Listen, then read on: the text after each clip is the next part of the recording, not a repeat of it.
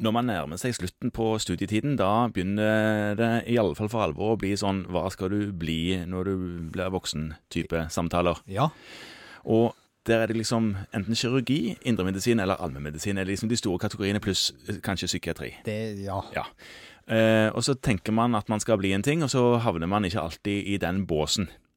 Ingen av oss gjorde vel det. Ingen av oss to gjorde det, nei, Nei. men eh, det jeg tenkte på som noe veldig spennende, det var indremedisin. Ja. Og indremedisin, der er det jo veldig mange forskjellige greinspesialiteter. Eh, Ja. Ja. Men det som er vassest, tenker jeg der, det er nefrologien. ja. De har jo rykte på seg for å ha peiling på ting. Ja, for Ja. du kommer jo ikke unna noe organsystem hvis nyrene svikter. Nei. De griper inn i nesten nøyaktig absolutt alt. Ja. Ja.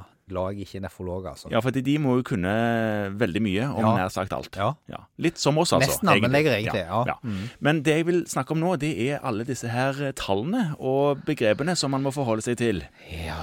Med GFR, eller estimert GFR, som Ja. egentlig det vi mest bruker.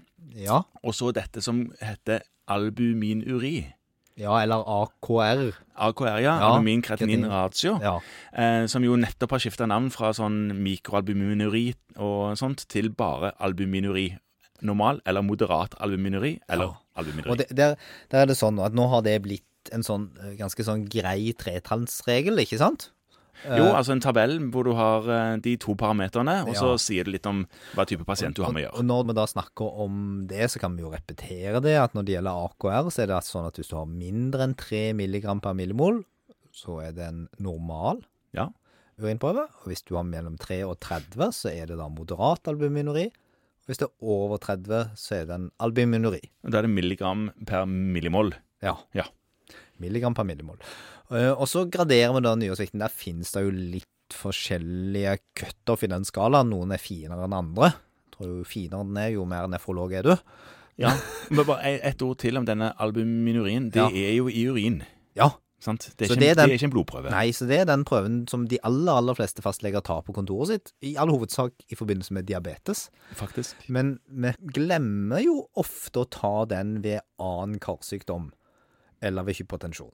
Men den hører jo egentlig med der. En nefrolog vil jo si at den skal der.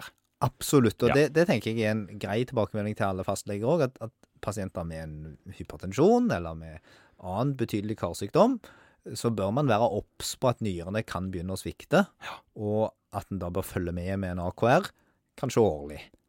Det er en god, det er en god idé. Men Ja. du skulle over på eh, EGFR-en, EGFR-en, ja. som jo er regnet ut i forhold til kreatininen i de fleste tilfeller nå, på Mm. prøver vi tar.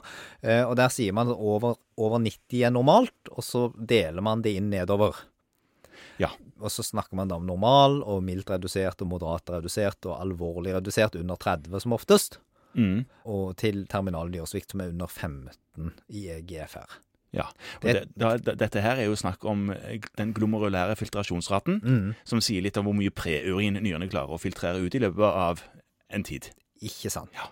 Og så finnes det, og det har vi på en måte uh, blitt eksponert for etter at diabetesretningslinjen ble lansert for ca. tre år siden, så, så ble det lagt et ganske fint flytskjema på dette med nyresvikt og diabetes. Mhm. Ja. Men så kom jeg over noe lurt her om dagen, og det var jeg fikk et tips om at det ligger en sånn interaktiv kalkulator på internett. Det er egentlig ikke en kalkulator, det er et skjema. Ja, et klikkbart skjema. Klikkbart skjema. eh, Der du da kan på en måte få det opp. Det ligger på noe som heter nefrologiskveileder.no. Ja, og Der kommer du, kan du klikke på kalkulator, kaller de det jo. Ja. Eh, Eh, midt og på det- siden. Ja, og det er jo ikke noen kalkulator sånn sett, men det du gjør når du da får inn dette skjemaet og setter det inn, som er kanskje Det er jo veldig, veldig, veldig likt Helsedirektoratets eh, flytskjema.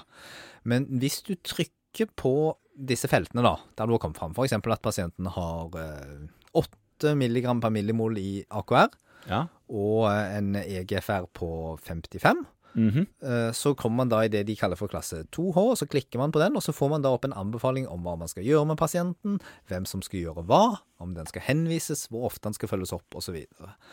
Og det kan være et ganske nyttig hjelpemiddel for en pasientgruppe som vi kanskje sliter litt med å holde styr på. ja, og da vet du litt mer hva oppgaver som havner i hvilken bås. Ikke sant? Ja. Der står det f.eks. om pasienten bør henvises til spesialist, og hvor ofte de omtrent bør gå på kontroller for dette. Veldig, veldig greit. Det er jo en eh, trygghet, og sparer en kanskje for en telefon eller to til eh, nefrolog for å høre om akkurat dette. Ja, da kan du ta det som utgangspunkt. Mhm. eh, ifølge siden så skal den oppdateres jevnlig, og sånn at der står masse annen nyttig informasjon på denne siden som det går an å lese. Eh, nå, nå er det vel problemet med at mange av oss har ikke tid til å sitte og lese sånne sider, men akkurat dette skjemaet syns i hvert fall jeg var ganske nyttig å se på i forhold til å få et sånn kjapt svar på hva gjør vi nå? Ja, Og det du òg kan gjøre når du har funnet den pasienten, den som du f.eks. bare skisserte nå, den er i det som de på dette her skjemaet kaller en oransje gruppe. Da kan du klikke inn og så kan du finne ut hva andre behandlinger og oppfølgingsplaner gjelder for pasienter i oransje gruppe, hvis du vil se enda mer dypt på det. Ikke sant. Mm. Og det linkes der til på denne siden.